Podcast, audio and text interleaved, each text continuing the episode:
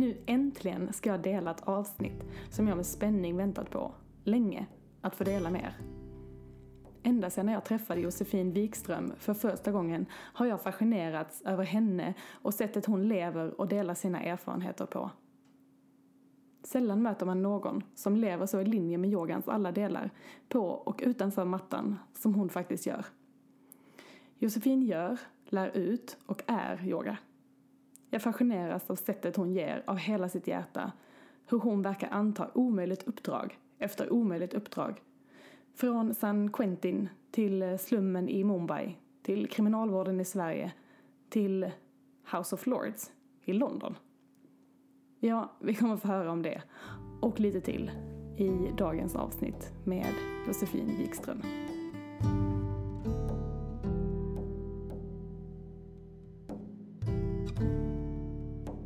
Hej Josefin och välkommen till podden. Tusen tack Elin, jag är jätteglad att vara här. Ja, kul att äntligen få spela in det här. Det här känns som en höjdpunkt som jag verkligen har väntat på. Tusen tack för mig också. Tack. Idag ska vi prata eh, trauma mm. och eh, yoga på anstalter. Mm. Och eh, Mumbai, lite Indien. Ja. Det blir lite allt möjligt. Mm. För jag tror att vi har mycket att prata om. Vi har mycket att prata om, en lång lista låter det som. Um, det är så kul också för att du har varit med i livet väldigt länge och format eh, min yogaresa väldigt mycket. Eh, jag minns första gången jag träffade dig på universitetet i Örebro och jag har eh, precis flyttat till Örebro och gått en halv yogalärarutbildning och tycker nu har jag koll på det där med yoga. och jag hamnar på en yogaklass med dig och tänker henne vill jag yoga för. och jag har sagt det till dig också mm. sist vi träffades, att jag är så glad att jag träffade dig just då, mm. innan jag insåg hur lite jag visste om yoga. och faktiskt hade självförtroende nog att gå fram till dig och tycka att det här, nu kör vi. Ja, vilken tur för mig att du kom upp. Men det blev bra. Ja. Du tog mig under dina vingar mm. Eh, och jag har fått eh, lära mig väldigt mycket av dig, vilket jag är tacksam för. Och tack detsamma. Jag lär mig av dig, Elin. Eh, men Josefin, hur kom yoga in i ditt liv egentligen? Och när började det här för dig? yogan kom in tidigt i mitt liv, där jag var 18. Mm. Eller ja, relativt tidigt i alla fall. För dig mm. kanske det var ännu tidigare, Elin? Mm, ja, i tonåren i alla fall. Ja, precis. Mm. Jag var på en Asien, längre Asienresa. Mm. Och jag hade hamnat i Indien för att min väninna ville att vi skulle åka till Indien, det var inte alls mitt intresse så jag hamnade i New Delhi och var ganska kulturchock redan från första början. Mm. Och vilket år var detta? Ja, vad kan det ha varit? 92? Något sånt. Mm. Jag vet inte, när är du född? Ja, du är 89. så, så jag var i New Delhi och um, kände mig allmänt orolig faktiskt. Jag mådde inte riktigt bra och jag hela min uppväxt så har jag växt upp med ångest och det här var ju då på topp när jag då hamnade, mm. hamnat mitt i New Delhi. Mm. Och det var en indisk man som satt på samma café som mig. Och han såg hur orolig jag var och han såg också hur mm. hyperaktiv jag var. Mm. Och han blev nog ganska störd på mig för jag tror att jag störde hans lunch när jag vevade runt med stora yviga rörelser och pratade mycket och var högljudd. Så han bara kom upp, han lämnar sin kopp te, kommer upp till mig, så spänner han ögonen in mig så säger han You have to do yoga. Oj! Vilken skänk från ovan. så det var fakt faktiskt så um, hade jag hade redan sett lite olika reklam för yoga. Jag visste ju mm. lite grann vad yoga var men det gjorde att jag åkte till norra Indien till Rishikesh mm -hmm. och faktiskt började yoga. Mm. Bara någon vecka efter. Och det gjorde en stor skillnad i mig. Mm ganska snabbt faktiskt så började jag känna mig lugnare och som att jag kunde landa i mig själv på ett helt annat sätt än vad jag hade upplevt tidigare. Mm. Så det var, det var ett stort ögonblick att jag faktiskt tog till mig den där mm. blicken och den där mannen och just hans goda råd som blev ett, som ett livsråd för mig. Mm. mm. Wow. Mm. För vad var det du kom ifrån då? I resan eller livet? I livet. I livet jag kom ju från en ganska så stökig tonårstid. Eller ganska mm. väldigt stökig tonårstid. Mm. Ifrån mm, tidig ångest som jag upplevde i mitt liv, också i skolan. Jag trivdes inte så bra i skolan. Um, kände mig stressad redan som liten. Mm. Um, och när jag var 11 år så blev jag utsatt för ett väldigt grovt sexuellt övergrepp. Mm. Um, av en person som stod mig väldigt nära. Mm. Så det satte ju hela mitt liv upp och ner kan man säga. Um, och det här var ju ett, jag vet inte hur pass mycket tid vi har att prata. Men Mycket. det var, det var en händelse som gjorde att jag eh, slutade lita på människor. Mm. Um, nu när jag ser tillbakablick så förstår jag ju att jag utvecklade PTSD, posttraumatiskt stressyndrom. Mm. Jag återupplevde det som hände. Um, jag hade mardrömmar, jag undvek situationer och människor. Hade väldigt mycket ångest. Mm. Um, hade svårt för att lugna ner mig och började ganska så snart att hamna i lite fel sammanhang. Mm. Um, och det höll i sig faktiskt ända tills jag kom till Indien, ska jag kunna tro. Lite till och Mm. från sådär. Jag hittade in i lite andra sammanhang med dans och idrott och träning. Men ändå kom tillbaka till ett ganska destruktivt beteende, Mm. även i min träning Mm. under mina äldre tonår. Vad var det med yogan som du tror var speciellt för dig? Mm, jag kände framför allt ganska tidigt att just andningen betydde extremt mycket. Mm. Jag hade väldigt svårt för att andas djupt. Jag hade svårt för att slappna av. Mm. Och när jag kunde få en kontakt med en djupare, lugnare andning så kände jag att det gav en effekt direkt. Mm. Och det var det jag behövde då. Jag behövde någonting som jag kunde ta på, någonting jag kunde använda praktiskt. Inte bara när jag var i en yogaklass utan när jag gick på gatorna och fick panikångest. Mm. När jag var på en buss och inte kunde klara av den situationen. Så det gav mig liksom riktiga verktyg till att hantera en vardag som, som jag inte riktigt kunde hantera vid den tidpunkten. Mm. Det är intressant för att jag tycker att man har sett det i många studier också när man Mm. jämför yoga med annan form av fysisk aktivitet. Mm. Att yoga ger en bestående förändring. Mm. Det är nästan som du också beskriver själv nu Mm. att du har fått det förut genom fysisk aktivitet Mm. men ingenting som har blivit bestående förrän du Nej. hittade yogan. Vad tror du själv är det som gör att det blir bestående? Jag känner nog också bara för att prata lite om det bestående, just Mm. det där i att hålla igång en yogapraktik, hur svårt Mm. det kan vara också. Ja. För det bestående är ju, innefattar ju att man fortsätter att praktisera regelbundet. Mm. Ehm, För mig så var ju då hälsoeffekterna så pass starka och så pass omedelbara att jag blev inspirerad att fortsätta. Mm. Ehm, Men jag vet också att jag har varit i perioder där jag haft så svår ångest att jag har haft extremt svårt att ställa mig på yogamattan. Mm. Att jag har sprungit runt yogamattan och det händer mig fortfarande än idag att jag har perioder när jag känner mig extra stressad som jag, som jag har svårt för att ta mig för och göra min egen yoga. Men jag vet hur viktigt det är som en medicin att nu är jag så pass, vuxen att jag vet att jag ställer mig där och jag gör det. Mm. Ehm, Så bestående effekten be- beror ju på att man också då har disciplinen och faktiskt yogar. Mm. Eller att man har kanske en lärare som inspirerar en att komma tillbaka till yogamattan eller ett sammanhang som gör att det här, ehm, att det lockar lite grann. Mm. Eh, men, men absolut, just att det är prestationslöst, Mm. förhoppningsvis. Förhoppningsvis. Eh, att man känner den omedelbara effekten av andningen, men också just det här ordlösa i gruppen. Mm. Att man inte behöver förklara sig hela tiden, inte kommunicera hela tiden, utan man har en chans, en kravfri stund tillsammans med andra utan att man behöver hela tiden förklara vem man är, vad man gör. Så jag tror det har också en stor del i varför yogan har varit så effektfull som den har varit för mig. Mm. För efter Rishikesh så eh, stannade du i Indien ett tag. Sen var jag i Indien längre period. Så Mm. jag har ju varit i Indien och bott i Indien som Mm. flera år på raken också. Och Mm. det här är ju, ja, det blir ju 25 år snart. Mm. När började du instruera yoga och vilken typ av yoga? När började jag med det? Kan det varit... Jag började ganska tidigt i Indien faktiskt. Mm. ehm, att undervisa barn och kvinnor som varit utsatta för sexuella övergrepp. Mm. Ehm, så det var ju redan tidigt 2000-tal.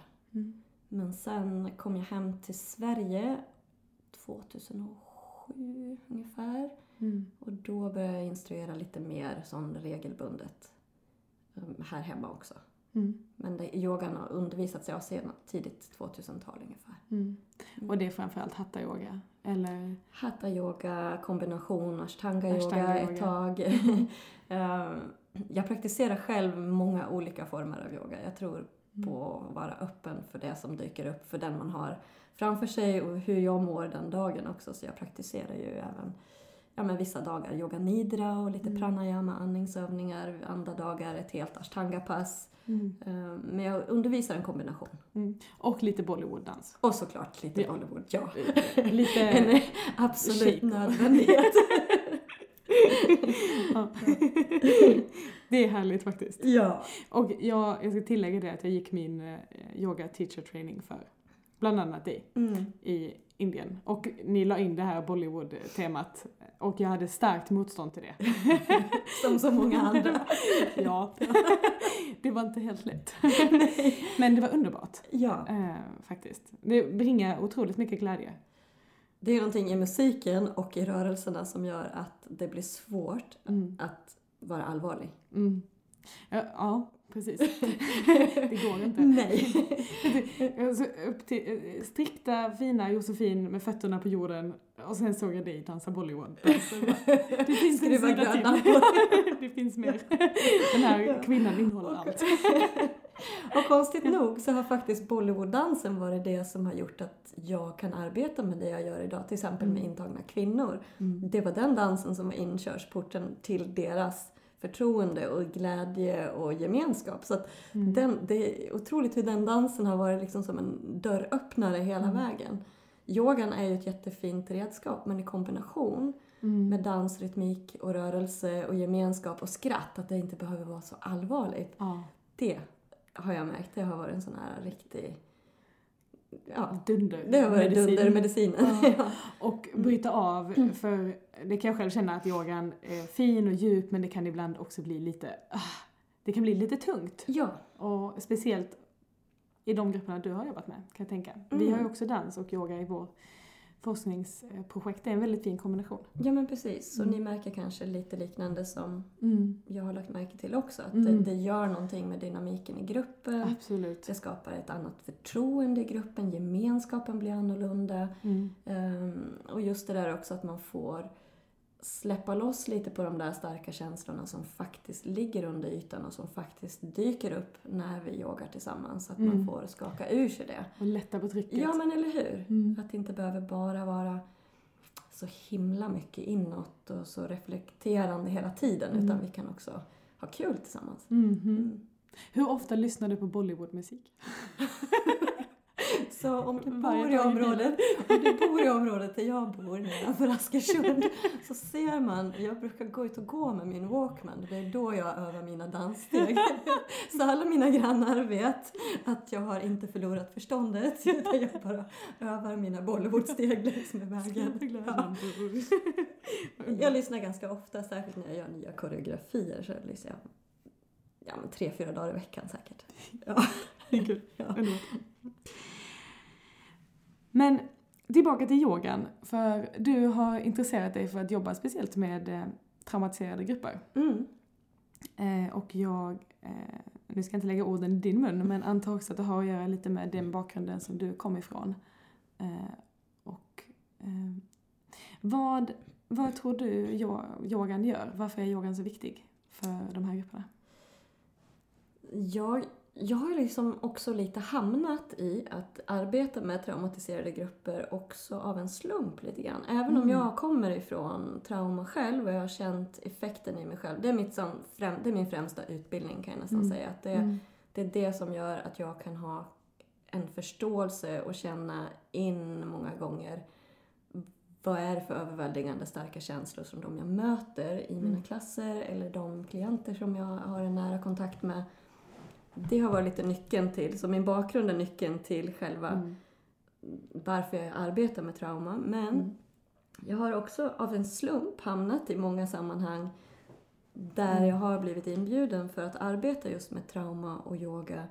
ehm, på grund av möten. Så Mm. tillfälliga möten med människor, som i Bombay till exempel. En Mm. fika med en kvinna som hade en organisation som just arbetar med trauma, som jag blev inbjuden då att jobba med, Mm. med yoga och dans Mm. med kvinnor och barn som varit utsatta. Så det har också varit mycket slumpen som har gjort att jag har hamnat i olika sammanhang. Mm.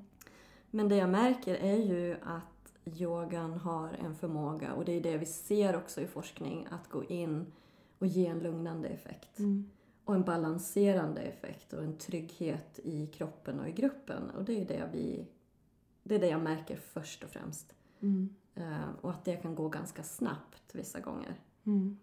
Ehm, och sen har ju yogan ett otroligt potential liksom att höja vår motståndskraft för stress till exempel. Mm. Ehm, och att just kunna ge de här små, små tipsen och råden, så små metoder, små redskap som vi kan ha med oss ut i vardagen. Mm. Bara vara närvarande i vilka sensationer som dyker upp i känslor och tankar och att man lär sig att hantera det Mm. på ett annat sätt än man kunde innan. Mm. Så jag tror det är där vi har liksom kraften i själva yogan. Mm. Med en fin filosofi som dessutom ligger bakom när man nu är öppen för att Mm. gå lite djupare in i de olika lagren. Mm. Mm. Du har studerat mycket trauma också som du sa. Bland annat med eh, i London.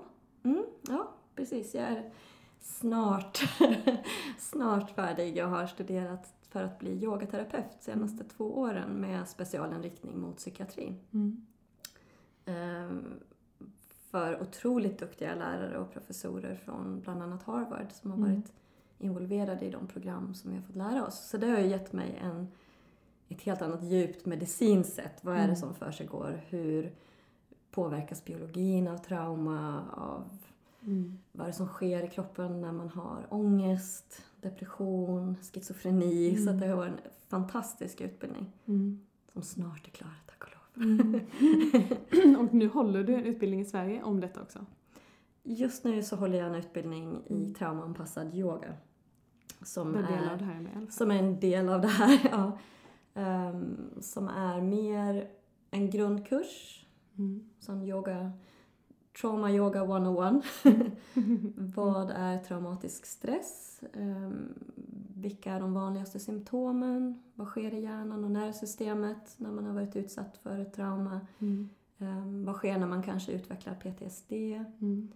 Vad behöver man ta hänsyn till som yogalärare om man kanske vill undervisa klasser med flyktingar som kommer, Mm. där många har PTSD i bakgrunden. Mm. Eller bara kunna möta kanske käns- starka känslomässiga utbrott som kan ske i klasserna och Mm. hur man kan undervisa på ett tryggt sätt för människor som har varit utsatta för trauma. Så det är liksom sån lite grundkurs. Hur Mm. kan man göra det här tryggt och säkert? Mm. Inte jobba terapeutiskt inriktat utan mer bara, här har jag en bas att stå på så jag Mm. vet jag vet vad som försiggår och jag vet hur jag kan hantera det här. Och vet vad det handlar om. Och vet vad det handlar om, ja. Ja. Och någonting jag har känt, för jag har gått den här, eller går den här utbildningen Mm, nu mm. med dig. ja. jag är så glad att du är med mig, Elin. Ja, jag är så glad att du det här. Eh, Men hur... För I början när jag tänkte trauma så tänkte jag att det var någonting för alla andra. Alltså att det Mm. är, men när man bryter ner det och tittar på det, vi bär ju alla med oss våra trauman mer eller Mm. mindre. Så att det Mm. är ju, den är så allmänmänsklig på så många sätt. Och Absolut. att det är inte bara, bara säger jag med situationstecken nu, de med väldigt svår PTSD nej, som har en nej. traumaproblematik utan att det, det anpassar sig så bra till alla. Ja. Utan det blir mer så här, gud vad, vad jag tror att alla kan känna igen sig i detta. Absolut. Och det är ju när man, man ser bara brett över Mm. vår befolkning så jag, cirka 90 procent om man ser på forskning så har ju Mm. varit utsatta för någon form av trauma. Om man nu ska gå in i vad är ett trauma så Mm. trauma är ju någonting som överväldigar en. Mm. Så det är en händelse, någonting som händer som vi har svårt att hantera. Det är någonting som... ehm, ja, det är svårt att komma tillbaka till normalt efteråt för att det här har varit så överväldigande. Så att Mm. vad är ett trauma för mig är ju helt annorlunda än vad kan vara ett trauma för dig. Mm. Så själva traumat är inte ehm, specifikt utifrån, man kan inte säga exakt vad är ett trauma utan det är från individen som upplever det. Mm. Och där har vi ju alla, jag tror att alla bär på, på trauma men det som är lite ovanligare är ju då att man utvecklar PTSD. Mm. Så ungefär 3% av Sveriges befolkning utvecklar PTSD och får en diagnos. Mm. Men den första perioden efter ett trauma så inleds ju som en akut stressperiod Mm. där man upplever Ja, det är svårt att komma tillbaka till normalt, svårt att slappna av kanske och svårt att hantera det som har hänt. Och där har vi ju alla Mm. olika sätt att hantera det. Mm. Så att just det där med, med trauma, så det, de som påstår att de är experter på trauma ska man vara lite försiktig med. för att det finns uttryck för Mm. hur vi upplever ett trauma, så lika många människor som vi har på planeten, Mm. lika många uttryck för Mm. hur vi reagerar mot ett trauma finns det. Och att det kan ta sig så många olika symptom. Ja, Mm. så oerhört många olika symptom. Mm. Eh, Det finns några gemensamma benämnare som man kan gå in och se på, särskilt Mm. när någon sätter en diagnos, PTSD till exempel. Så finns det gemensamma benämnare men ändå så, så, så sticker alla ut på ett eller annat sätt. Mm. Så det är därför jag känner att det är så viktigt att ha en stor verktygslåda när man, när man möter människor och vara väldigt, väldigt öppen för Mm. vad är det jag har framför mig. Mm. Och kanske inte yoga den allra bästa formen för alla heller. Kanske samtalsterapi inte passar. Kanske någon behöver dansa tango. Ja men du vet, ja, men att man, man är öppen för det som dyker upp. Mm. Men åtminstone att yoga kan vara ett bra sätt att börja hitta tillbaka till sin egen kropp. Eh, Ja. Och börja hitta tillbaka till sig själv och hitta den där inre rösten igen. Eh, Ja. Eller hitta kontakten med sig själv igen. Ja men precis. Mm. Genom att vi kan börja lugna den här stressresponsen som faktiskt har satts igång. Mm. För vad är det som händer vid ett trauma? Stressresponsen. Ja. Så-. När vi upplever någonting som överväldigar oss eller som Mm. vi uppfattar som en fara Mm. så reagerar ju kroppen instinktivt att vi ska ta oss bort ifrån den faran. Mm. Så att det sätts igång som en varningssignal inne i hjärnan som sätter igång någonting som kallas för stressresponsen. Mm. Och vår första, första responsen är just fight flight oftast, att det skickas ut adrenalin i kroppen som gör att vi kan ta oss snabbt ifrån faran. Mm. Eh, Sen har vi en nästa inledande respons som skickar ut kortisol som Mm. gör att vi kan liksom springa från faran längre period. Eh, Och oftast så tar vi oss ifrån faran. Så Mm. det kommer en bil emot oss, vi klarar av att hoppa till sidan eller vi springer ifrån någon som jagar oss kanske. Ehm, I vissa fall så kan vi också gå in i något som kallas för freeze response och det är då när man, man fryser till is. Mm. Man har svårt att ta sig ifrån den faran. Mm. Som säger, försvarsmekanism. ja men det är en Ja. försvar. Mm. Så allt det här är helt naturligt. Mm. Så även freeze response är en helt naturlig respons. Mm. Eh, initieras av något som kallas för sympatiska nervsystemet som är vår gas Mm. i kroppen som ser till att vi håller oss aktiva. Så det är en positiv del av vårt nervsystem men vi behöver också ha Mm. en stark broms Mm. som är det parasympatiska nervsystemet som kan göra att vi kan lugna ner oss när faran är över. Mm. Eh, och i själva freeze-responsen så kan det parasympatiska systemet gå och ta över. Även om det är en sån här good guy Mm. i vanliga fall så kan det gå in och bli en för stark broms. Mm. Så att vi går in i någonting som kallas för tonic immobility. Mm. Och då stänger kroppen ner viktiga funktioner. Mm. Så att där ser vi då, då Mm. är det ytterligare en självförsvarsmekanism som att man spelar död. Mm. Mm. Så det är de tre vanligaste reaktionerna. Mm. Och oftast så klarar vi av att röra på oss ifrån faran. Mm. Efteråt så brukar vi kanske söka upp, har vi tur så har vi familj och vänner runt oss som vi söker upp. Vi pratar om det, vi får en kram.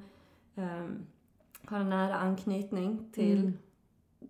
Till en omgivning som kanske bryr sig om oss. Och det gör att vi kan automatiskt börja att reglera den här stressen som har, som har skett. Mm. Och det har vi. Vi har det här naturligt i oss, i Mm. vår, hur vi pratar med varandra. Så jag ska bara ta ett djupt andetag. Jag måste bara skaka av med det här. Mm. Mhm. Eller hur? Det är ju så Mhm. vi säger. Ehm, stå med båda fötterna på jorden. Mm. Eh, vad gör vi med våra barn? Jo, vi gungar dem. Mm. Håller dem nära kroppen. Vi har gungstolar för att slappna Mm. av. Så allt det här ligger ju egentligen naturligt. Mm. Hur vi hanterar stress. Mm.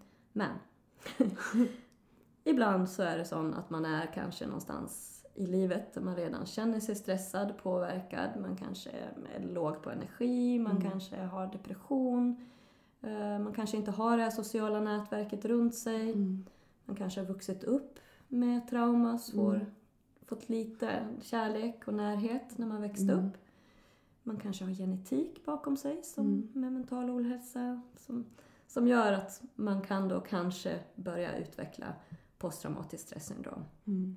Och det är då, då har man svårt för att stoppa den här stressresponsen i kroppen. Eller att man har fastnat på den andra sidan. Mm. Att man har svårt att komma igång igen. Så det blir som en obalans i det vi kallar för det autonoma nervsystemet. Så det är som biologiska grundorsaken till PTSD. Mm. Lång förklaring. Men det var allt. Det var allt. Det är bra jag har en doktor med mig som kan, som Jag nickar. kan, Jag ja, som kan Ja. fylla på. Men att det blir så förkroppsligat. Det är Det- för kroppsligt. Ja, så Mm. det sitter, trauma sitter i kroppen. Mm. Och det är det här som det forskas mycket på just nu. Mm. Och det är det här som är väldigt spännande. Mm. Det är dit vi kan, det är där yogan kan gå in och stötta upp. För det vi ser med forskning runt yogan är ju att vi stärker den här bromsen. Mm. Det parasympatiska nervsystemet och vår vagusnerv som är den viktigaste, starkaste nerven. Mm. Ehm, och vi kan börja balansera upp den här dysfunktionen som då sker i Mm. autonoma nervsystemet. Så på så sätt börja att inifrån börja kunna läka det här. Mm. Mm. Och ja, allting, den lilla del vi har fått lära oss i kursen i alla fall. Jag är imponerad över hur mycket forskning som ligger bakom och hur Mm. tung rent fysiologisk den är. För det, det finns mycket forskning på det. Ja, Eh, och stöttar upp hela den inre kommunikationen också för att få hela kroppen att samarbeta precis. igen. Liksom. Så det, det, det finns jättemycket. Det finns mycket forskning på själva den biologiska Mm. Delen runt yogan. Just Mm. effekterna i hjärnan, nervsystemet, våra hormoner, det endokrina systemet, Mm. våra signalsubstanser. Allt där. Det finns så många pusselbitar att plocka ifrån för att ta med sig metoder in när Mm. man jobbar med trauma. För att göra det på ett vettigt sätt. Mm. För att kunna stärka nervsystemet, för att öka signalsubstanser som vi Mm. ser finns mindre, så det reduceras när man är i, i PTSD, om man har Mm. utvecklat det. Så där finns det mycket spännande forskning. Men det man lite glömmer är också att ett trauma är så mycket annat än stress. Mm. Det är inte en vanlig stressrespons utan vi har också minnen som ligger bakom. Mm. Vi har starka känslor som finns nu kanske mer fragmenterade på grund av just strukturer i hjärnan som påverkas av Mm. traumatisk stress. Så traumatisk stress Mm. behöver man skilja lite från från vanlig stress. Mm. Så det har gjorts jättemycket forskning på vanlig stress. Mm. Men inte så himla mycket forskning på just PTSD Mm.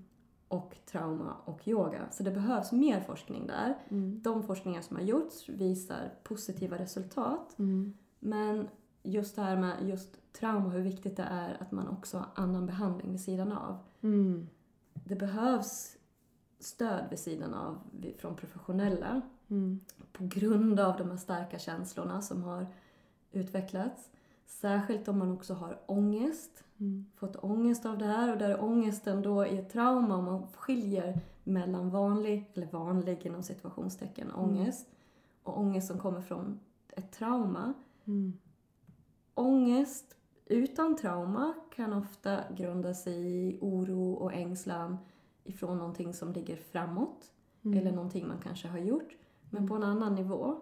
Mm. Ångest som kommer från trauma kommer oftast ifrån att det värsta redan har hänt. Mm. Så det är redan inbäddat, Inbäddat i i kroppen. kroppen, i alla sinneslager, i det känslomässiga Mm. och det kognitiva. Mm. Så att det är så många olika lager att jobba med när man jobbar med trauma som är skillnaden från annan mental ohälsa. Mm. Så därför så är det så viktigt att man inte går in och kallar det här rent terapeutiskt för att Mm. det är så mycket annat stöd som behövs. Mm. Vi, det är en annan liga av, Mm. av eh, eh, lager och känslor som, Mm. som ligger bakom. Men också att det går in och jobbar på en så djup nivå Mm. att det är så viktigt i komplement till den psykologiska behandlingen eller den andra absolut. behandlingen. Absolut. Men i komplement. I komplement. Mm. Ja. Mm. Och för vissa fungerar det bättre Mm. Och för vissa tar det längre tid och det är just det där att ha då en terapeut eller yogalärare som är med och inspirerar Mm. och stöttar upp. Och samtidigt ha en terapeut som är kanske samtalsterapeut som också tror på metoden yoga så att man kan jobba som i en synergi sen. Mm. Det är där man ser att de bästa resultaten kommer. Mm. Mm. Vad är det mer som urskiljer den traumaanpassade yogan mot den vanliga yogan, om man säger? Så vi jobbar ju på olika sätt. Eh, Dels så har vi ju en inriktning, om man säger, mot PTSD som utvecklas ifrån en, ett, en händelse. Mm. Som man ser i själva diagnos- diagnostikmanualerna för PTSD typ 1. Så är det en livshotande händelse som har skett eller att du Mm. bevittnat någonting som, som är livshotande. Mm. Om man tittar in i själva Mhm. diagnostikmanualen. Mm. Ehm, den formen av trauma kan man oftast jobba lite annorlunda med Mm. än när man jobbar med det vi kallar för komplex traumatisering som kommer ifrån upprepade trauma, kanske under en längre period, ofta i relationer. Mm. Eh, och trauma kan ju vara, det är inte bara det här som man tror är uppenbart som ett trauma, just att bli misshandlad, sexuella övergrepp, naturkatastrofer, våld, Mm. olyckor, skilsmässa kan ligga Mm. under trauma, död. Mm. Det kan också vara att man inte har blivit sedd som barn, Mm. inte fått nog med närhet i viktiga perioder i hjärnans utveckling. Mm. Till exempel, det kallas för utvecklingstrauma. Mm. Um, anknytningsproblematik, en stor del ligger bakom. Mm. Ehm, så vi, när vi gör traumaanpassade klasser så, så ser vi på hela spektrat. Mm.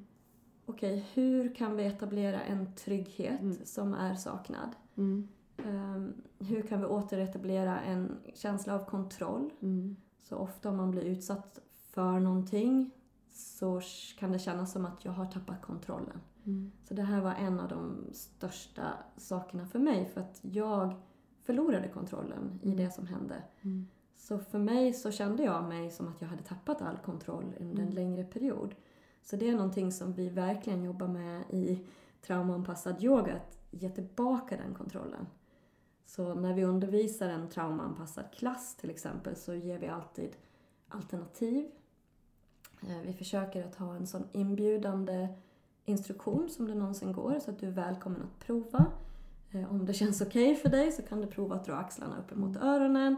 Så sådana små saker som sker i yogarummet kan ha en ganska stor effekt när man Mm. går ut därifrån. Mm. Att man börjar lära sig och känna in kroppens signaler utefter vad skulle kännas skönt för mig att göra just nu. Mm. Ehm, och att jag har valet att göra ett aktivt val. Jag har kontrollen över min kropp. Jag kan göra på det här sättet eller på det här sättet och det är helt okej. Mm. Ehm, så, det, så det är många olika små tekniker vi Mm. använder. Just instruktionen. Sen är det ju mycket annat också som skiljer sig från vanliga Mm. klasser. Empowerment. Empowerment, precis. Vad har du lärt dig allting om trauma? Var någonstans? Oj. Du har skaffat många vänner längs den här vägen. Ja, ja. jag, har, jag har studerat i många år nu. Ja. Och jag har eh, jobbat praktiskt i Mm. många år framför allt. Så det är Mm. där som Mm. jag har ut, utbildat mig i Boston. I, det blir två år snart. Mm. Hos en fantastisk doktor som heter Bessel van der Kolk Mm. som har ett institut. som jag har fördjupat mig i hans metoder. Han har skrivit en bra bok som heter The Body Keeps the Score. Ja. Som Ja, är nej, en av en, kurslitteratur. ja, men, och, som ligger till grund för väldigt mycket av traumaforskningen. Eller, Ja. eller som, som är en, en stor bok inom traumaforskningen. Ja, precis. Mm. Ja, och det är han också som uppmuntrar till Mm. att lära er så mycket ni kan. Mm. Lär er så många olika metoder ni någonsin kan. För Mm. ni kommer aldrig kunna bli en expert på trauma. Det enda ni kan vara är vara öppen för vad som ni har framför er Mm. just den dagen. Mm. Och fastna inte i, fastna inte i prestige, Mm. fastna inte i fasta metoder, fastna inte i det här, det här, det här. Utan Mm. var öppen för det som, Mm. som ligger framför er. Mm. Mm. Så han har lärt mig mycket hos. Och, eh, men kursen som vi har här i Sverige så har vi också blandat in metoder från Peter Levin Mm. som är somatic experiencing. Hur man jobbar på olika sätt med kroppen för att etablera trygghet och lära sig att hantera starka känslor och stress, panikångest, Mm. trauma triggers när det dyker upp. Ehm, från dans och rörelse, Mm. jag har gått många kurser i Indien hos olika rörelseterapeuter som Mm. jobbar med trauma. Ehm, London, Mm. just den utbildningen har gett mig jättemycket och sen ifrån alla som jag möter. Mm. Kvinnorna på Hinseberg har nog lärt mig mest Mm. än någon utbildning jag någonsin har gått vad det är som fungerar och inte fungerar. Mm. Så det beror på... Mm. Mm. Hinseberg, ja. Ja. Hur hamnade du där? Ja du, för tio, för tio år sedan så... Jag har alltid, alltid känt att yogan ehm, ska spridas och Mm. finnas på platser där den verkligen behövs. Den behövs överallt, inte Mm. för att säga att den behövs mer eller mindre någonstans men med just fängelse för att det har gett mig en sån känsla av frihet. Mm. Yogan har bidragit till att jag känner mig fri på riktigt. Och det är någonting som jag verkligen kan stå för och mena. Eh, och jag vet också att kvinnorna på Hinseberg har varit utsatta väldigt mycket. Mm. Hög procentdel av komplex traumatisering Mm. och PTSD och mental ohälsa. Ehm, Så jag kunde lite grann identifiera mig med vad de har gått igenom och jag är också väldigt tacksam för de val jag har klarat av att göra i mitt liv. Mm. Med hjälp av min familj och med hjälp av den sociala Mm. em, miljö jag har haft runt mig som de har saknat. Mm. Så har jag kunnat tagit mitt liv i en annan riktning än vad de kanske har klarat av. Mm. Så att eh, det nästan kändes nu när jag tänker efter så bara som självklart val Mm. att börja jobba där. Men jag ringde ett samtal från den starka känslan att jag Mm. ville börja jobba där. Så att jag ringer mitt i ett möte som de har på Hinseberg där de sitter och diskuterar att de skulle vilja ha någon som kommer dit och undervisar dans och kanske yoga. Och jag är då både dans och yogalärare. så att... Så de sa bara det, kom hit så pratar vi om det. Så jag fick ett, en halvårstjänst och jag hade otrolig tur för jag kom in precis i ett läge där det fortfarande var okej att komma in utifrån Mm. som yogalärare in i kriminalvården. Mm. Och nu det är snart 11 år senare så är jag fortfarande kvar. Så fick de lite Bollywood-dans på Hinseberg också. Det var ju inkörsporten, alltså det hade aldrig gått. På den tiden var det obligatoriskt. Så jag kommer ihåg första dagen när jag går in genom säkerhetskontrollen på Hinseberg. För det var ju en väldigt bra idé när jag ringde. Som det brukar vara. Och så går jag igenom så börjar jag känna så här att min överläpp börjar krypa upp mot näsan, börjar bli lite torr i munnen. Jag tänkte så här, men vad är det jag har gett mig in på här nu egentligen? och jag kommer in och det är alltså 25 kvinnor som sitter framför mig och de blir ju då lite tvingade att gå dit. och jag ska sitta uppe på en liten scen och titta ner på dem. Så att, eh, ja. Då var det faktiskt sån himla tur att jag hade med mig lite musik. Jag fick ta med mig musik in. Mm. Så då frågade jag, ska vi köra, är ni redo för att köra lite dans? Och det gillar de verkligen. Mm. Så det blev, inkö- det blev liksom min, min nyckel in till ett förtroende av dem, med dem. Mm. Det var lättare med Bollywood-dansen än med yogan, eller? Mm, Mm. det var det. Mm. Så vi kör fortfarande en kombination av dans och yoga varenda gång jag är där. Underbart. Mm. Och det har varit lång tid nu.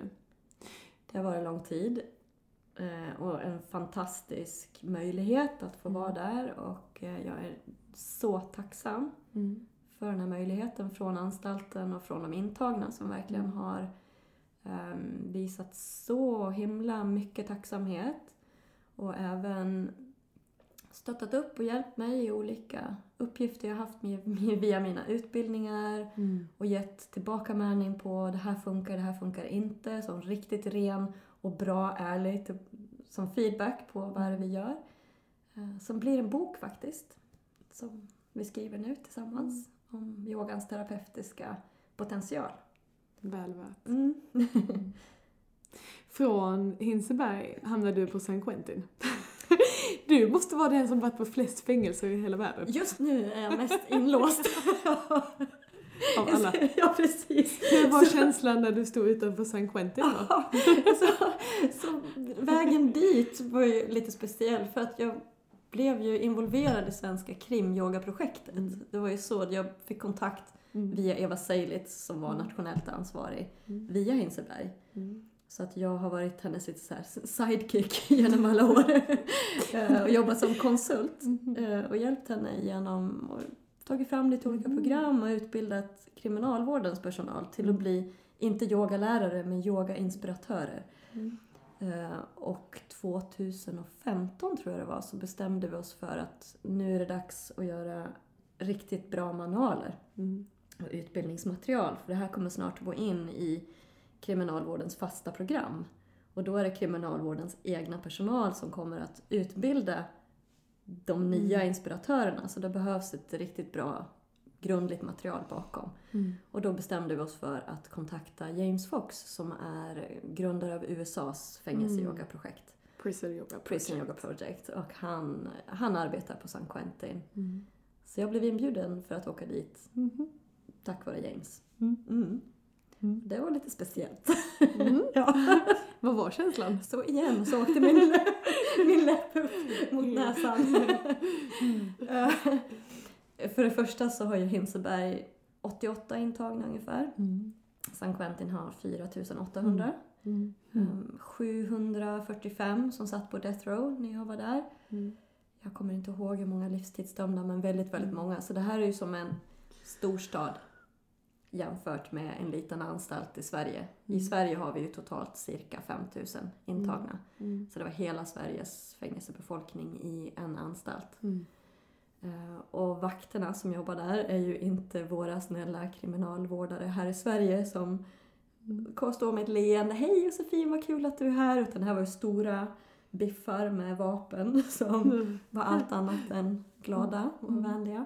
Mm. Um, innan jag gick in, det här var ganska kul, för jag skriva under så här um, säkerhetsklareringspapper. Mm. Så please leave your guns in Tower D. Jag har Jag bara, inget. vad skönt, slipper jag liksom släpa på dem. Ja, just de tio som låg där. Ja, precis. Nej men och sen fick vi ju gå runt som man går runt som några byggnader. Mm. Och så säger James till mig, han bara okej, håll dig nära mig nu Josefin och sen så vill jag att du andas för nu ska vi gå över the yard. Och the yard är ju där man ser på TV, du vet, där de spelar basket, och de liksom lyfter vikter och hänger i olika gäng och sådär. Och precis så var det. så vi går över the yard med våra yogamattor under armen. Men det var så himla bra. Mm.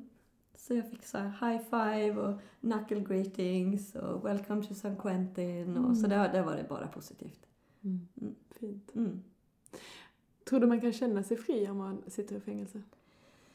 Så det är ju den vanligaste responsen som vi har fått i alla fall på San Quentin. Så vi har ju ganska många så här prisoners quotes Mm. Eh, och det är många som ehm, säger att just det är så himla konstigt men jag känner mig fri för första gången i mitt liv och jag sitter här. Mm.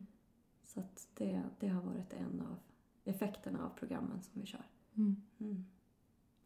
Ni gjorde också lite forskning i Sverige på anstalten, på den yogan som ni har gjort här. Ja, Mm. det är ju faktiskt världens största randomiserade studie som har gjorts på yogans effekter i anstaltsmiljö. Se. Hur många var det? Kommer du ihåg?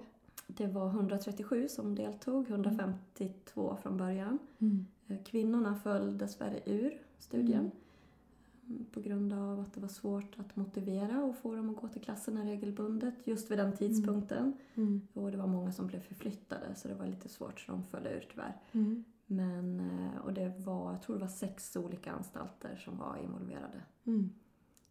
Mm. Och det var ju också därför vi bestämde oss för att okej, nu måste vi ha ett bra utbildningsmaterial för nu kommer världen att börja se på Mm. vad är det vi har gjort egentligen. Mm. Varför blev de här resultaten som de blev? Och vad såg man? Oj, man såg väldigt mycket. Mm. Här såg vi nu evidens på yogans terapeutiska potential Mm. i anstaltsmiljö. Med eh, sänkt aggressivitet, förbättrad impuls, impulsivitet, Mm. hur säger man Mm. förbättrad? eh, Mm. Minskad Minskad, impulsivitet. Ja. Precis, tack. Minskad impulsivitet, ehm, förlängd reaktionsförmåga då, naturligtvis. Och vi såg minskad ångest. Mm. Ehm, också nu i en ytterligare, som man har nu gått igenom och gjort en ny analys av studien som gjorde 2016, Mm. så ser man också resultat på paranoida symptom, Mm. så reducerad paranoida tankar. Mm. Ehm, vi ser också på olika personlighetsstörningar, Mm. att vi har sett förbättrade resultat. Ehm, OCD, Mm. på svenska är min Tvångstankar språk. Tvångs, eller tvångs- handlingar. Precis, Mm. det har minskat. Mm. Såg också förbättrad effekt av medicin Mm. mm, mot ångest Mm. och OCD också. Att de behövde ta mindre medicin? Ja. Mm. Och sömnen var inte signifikant, men det är någonting som vi hör Mm. hela tiden att sömnen förbättras i Mm. de som går i yogagrupperna. Mm. Och en känsla av samhörighet Mm. ökade. Och det tycker jag är Det finaste. det finaste. Ja. Mm. Men en ökad empati och ökad känsla av samhörighet. Mm. Ja. Jag Ja, sitter- man behöver inte säga jag så mycket mer, jag bara-. Ja. Så, och den finns ju, den kan man hitta på Kriminalvårdens Mm. hemsida. Mm. Så yoga på anstalt kan man söka efter det. Mm. Vad är det du ser när du instruerar yoga? Där. Jag ser och upplever eh, väldigt stora förändringar Mm. hos många. Eh, Och särskilt när vi gör... På somrarna så är jag där intensivt och har sommarintensivkurser. Mm. Och då yogar vi och dansar vi varje dag, tre timmar med varje grupp. Mm. Mm. Så då har jag verkligen en chans att uppleva den här förändringen på ett annat sätt. Och då har vi Mm. också tid att sitta och ha samtal. För de klasser som vi kör i vanliga fall är bara en timme. Mm. Så då gör vi yoga och sen så lämnar vi lokalen lite grann. Så man hinner inte riktigt höra om effekterna på samma sätt. Mm. Men det jag upplever är ju framför allt just gruppens dynamik, hur den förändras jättemycket. Jag ser tjejer som har känt sig utanför och har känt sig kanske rädda och ledsna, bli Mm. inkluderade i ett sammanhang Mm.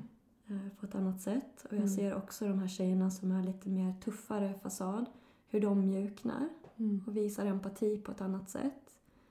Eh, Det jag till och med då hör från tjejer när de berättar att om de har sett någon som inte hänger med på dansstegen, att de övar till och med på kvällarna och på promenaden. Så att de verkligen ser till att hela gruppen hänger med till nästa dag. Mm. Och det är ju någonting, alltså är inte det rehabilitering Mm. i de här miljöerna? Alltså det känns så stort och så fint att då får jag så här tårar i ögonen när jag, när jag hör Mm. att det är så det går till.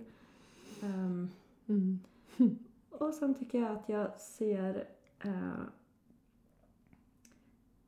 deras självförtroende, hur det förändras Mm. jättemycket.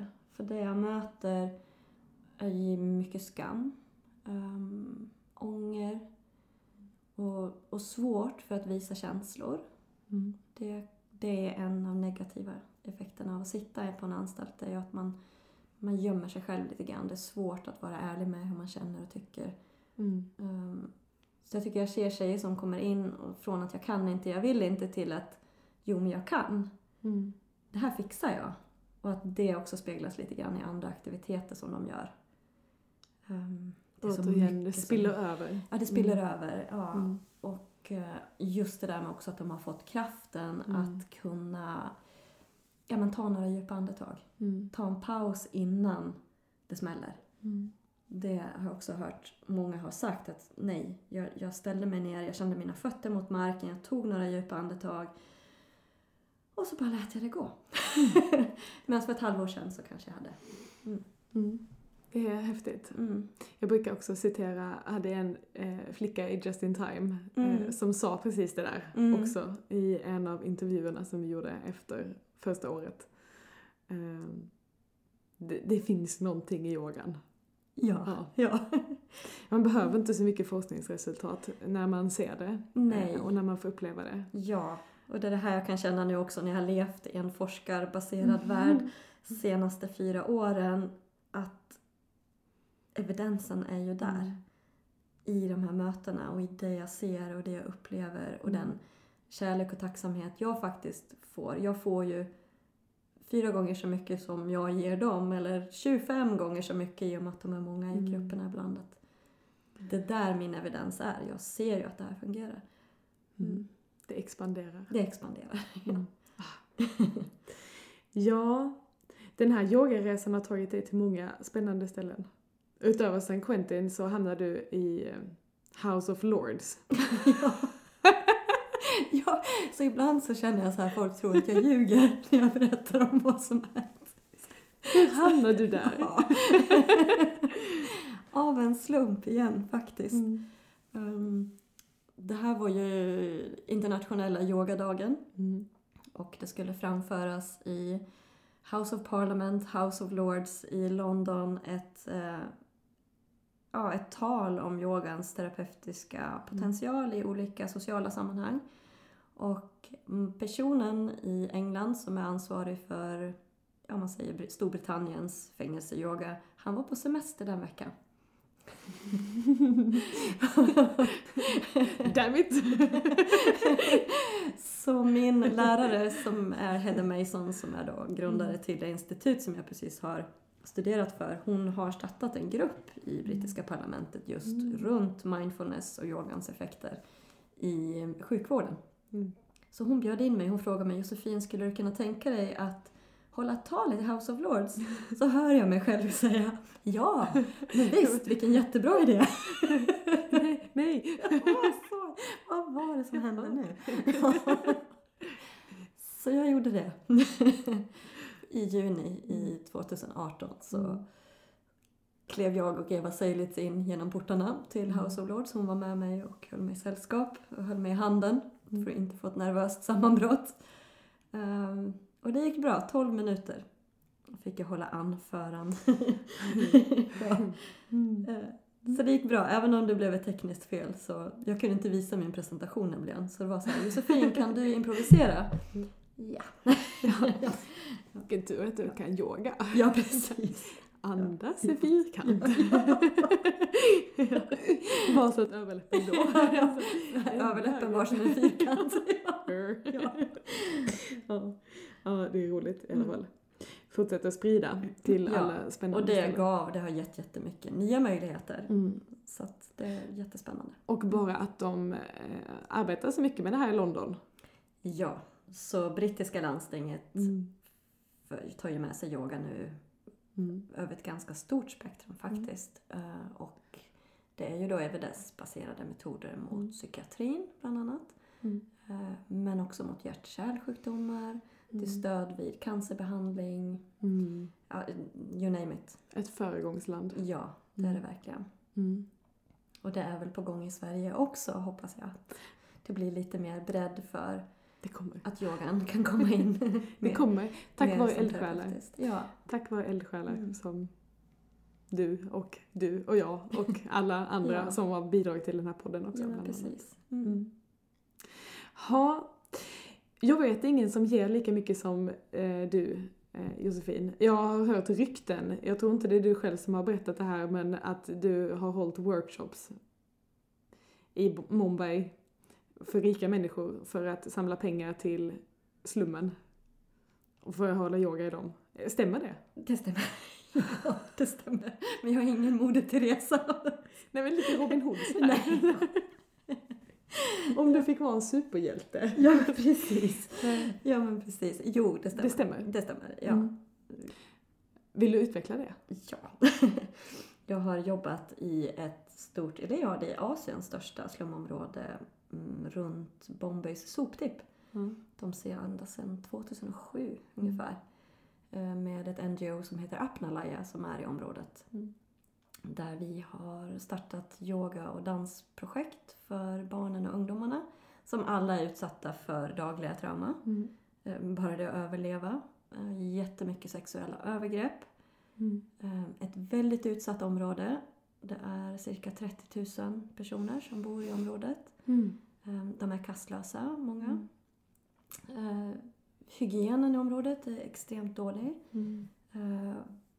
Apnalaya går in med sjukvård och skol, skola.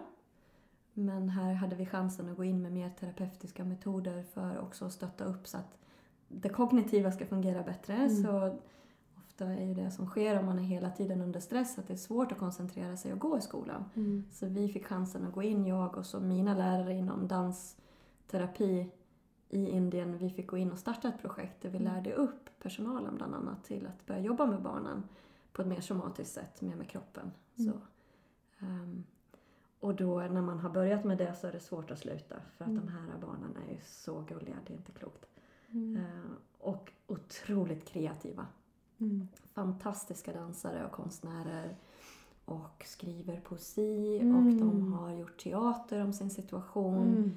De, eh, de älskar att yoga, tycker det är jättekul. Men det finns som sagt inga pengar i området. Så vi har gjort många insamlingar. Mm. Eh, Jag har, också turen att jobba ibland med Bollywood-kändisar. Så de har ju pengar. Så då har vi gjort lite yoga, så här, samla in pengar i yogaklasser. Vi har gjort lite olika evenemang i Bombay med lite mer rika människor för att också öka närvaro, liksom uppmärksamheten runt det området som ingen Mm. vet riktigt hur illa det är. Mm. Ehm, Ja, du vet, förväntad levnadsålder i området är 39 år. Oj. Ja, så det är riktigt illa. Och Mm. vi har även haft här i Sverige, Lerbäcksteater. Eh, Jag har jobbat med dem som koreograf för några år. Mm. De samlade ihop 132 000 till det här området. Oj! Mm. Och det blev ett kulturprojekt och ett teaterprojekt och det blev yogamattor och det blev mer utbildning, det blev sjukvård. Alltså de pengarna har ju räckt hur länge som helst. Mm. Mm. Det är mycket pengar. Plus alla deltagare i Askersund som har bidrar Mm. varje år. Så skänker de pengar vid jul som går emot de här barnen också. Så det är kul. Det är jättekul att följa dem. De var ju så små när vi började. Mm. Nu har de ju liksom mustasch och skägg och sådär. Så att, Mm. De har en ljusare framtid. det har de. Mm. de. De utbildar sig till professionella dansare just nu. Mm. Flera av dem som har varit med i projektet. Så det är jättespännande. Empowerment. Empowerment igen. Mm. Mm. Wow. Men som sagt, du ger väldigt mycket av dig själv. Hur gör du för att fylla på dig själv? Och så det här är risk för att det låter som en sån klyscha. men, men alltså, jag tycker ju själv att jag får mer än vad jag ger. Det är så här totala. Eh, men, men det är faktiskt så. Mm.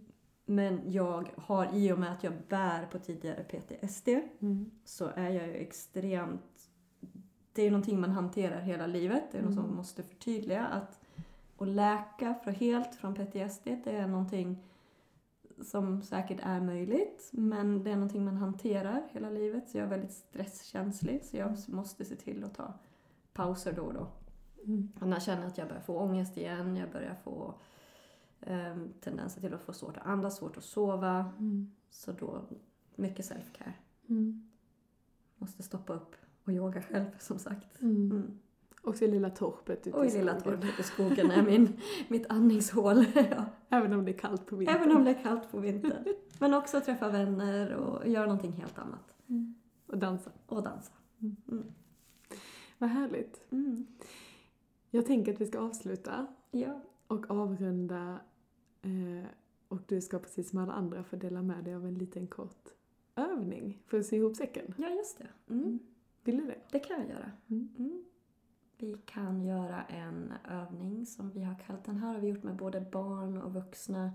Den kallas, vi har kallat den för styrkeandning. Mm. Eh, Det är lite grann för att komma ut i kroppen ifrån områden som kanske vi ofta känner starka känslor i, som området runt hjärtat och magen, runt huvudet, ofta ganska centrerat i var vi upplever starka känslor, för att gå ut i händerna. Mm. Så om du vill så kan du Jag kommer göra hitta en skön position så du väljer hur du vill sitta. Mm. Om du vill sitta på ben, på, på en stol eller på Mm. marken. Om du vill så kan du testa att bara gunga lite grann sida till sida först innan vi börjar. Och kanske så kan man göra lite större rörelser som att man gör som cirklar med överkroppen om det känns okej. Och kanske mjuka upp lite grann runt skuldran om du har suttit en längre period. se om du kan göra de där rörelserna mindre och mindre i din takt så du väljer tempo här. Om det känns okej okay så kan man nu börja närma sig stillhet. Och du kan gärna ha ögonen öppna eller stängda så du väljer här. Och du väljer också om du vill andas via munnen eller näsan. Och vi börjar med att bara lägga märke till att kroppen har en tyngd. Så kontakten mellan kanske fötterna, benen mot golvet. Kanske man kan lägga märke till lite olika tryck emot kroppen. Kanske, kanske inte. Och sen som en riktning uppåt, nästan som du lyfts lite grann genom kronan på huvudet. Och där vi nu kommer att lägga uppmärksamheten ut emot båda händerna en liten stund. Här kan man om man vill lägga handflatan uppåt mot taket. Vi kommer ta med en rörelse in i händerna tillsammans med andetaget. Så nästa gång du andas in så kan du prova att knyta höger hand. Och när du andas ut så släpper du upp höger hand och knyter vänster hand. Stänger handen. Igen, andas in, in i höger hand. Slappnar nu av in i vänster, knyter höger hand. Slappnar av i höger, knyter vänster, andas ut. En gång till, provar att andas in i höger hand. Andas ut in i vänster hand. Två gånger till på egen hand om det kändes okej. Okay.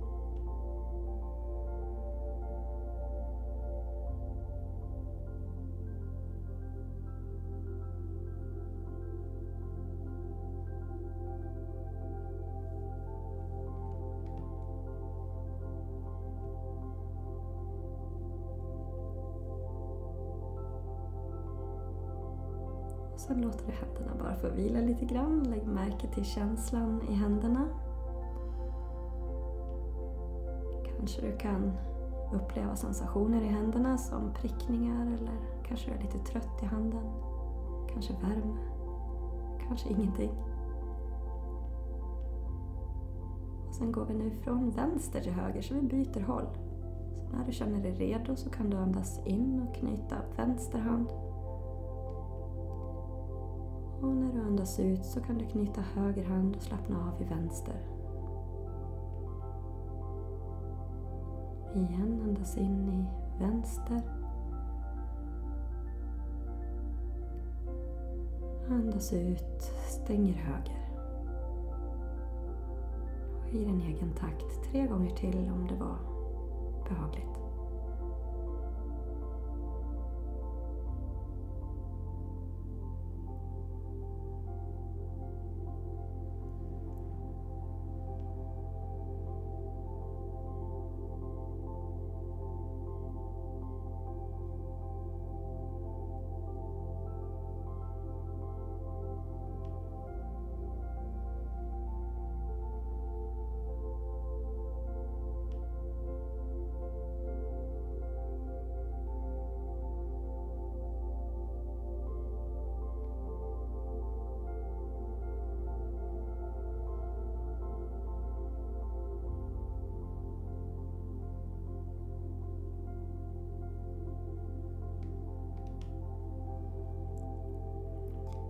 Låter du händerna bara få vila lite grann och igen se om du kan känna in känslan i båda händerna när du blev klar med dina tre andetag. Om du gör det här på egen hand hemma och du tyckte det kändes som en bra övning att göra så kan du också lägga till båda händerna och då andas man in, knyter båda händerna och sen slappnar av i händerna. Men just här idag på grund av att tiden drar iväg så slutar vi där. Mm. Och vi kan göra som en avslutningshälsning tillsammans som vi brukar göra på Hinseberg om du vill. Så kom tillbaka in i rummet genom att gnugga händerna emot varandra så vi aktiverar kroppen.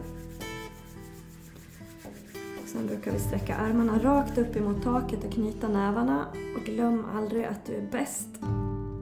Yes. Tusen tack för idag. tack Josefin. Tack.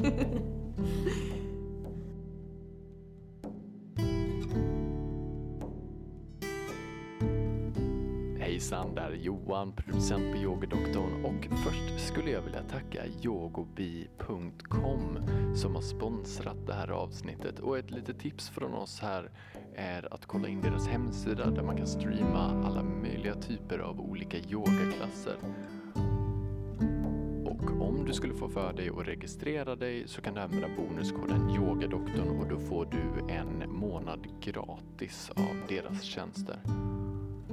Och tack så mycket för att du har lyssnat på det här avsnittet av Yogadoktorn.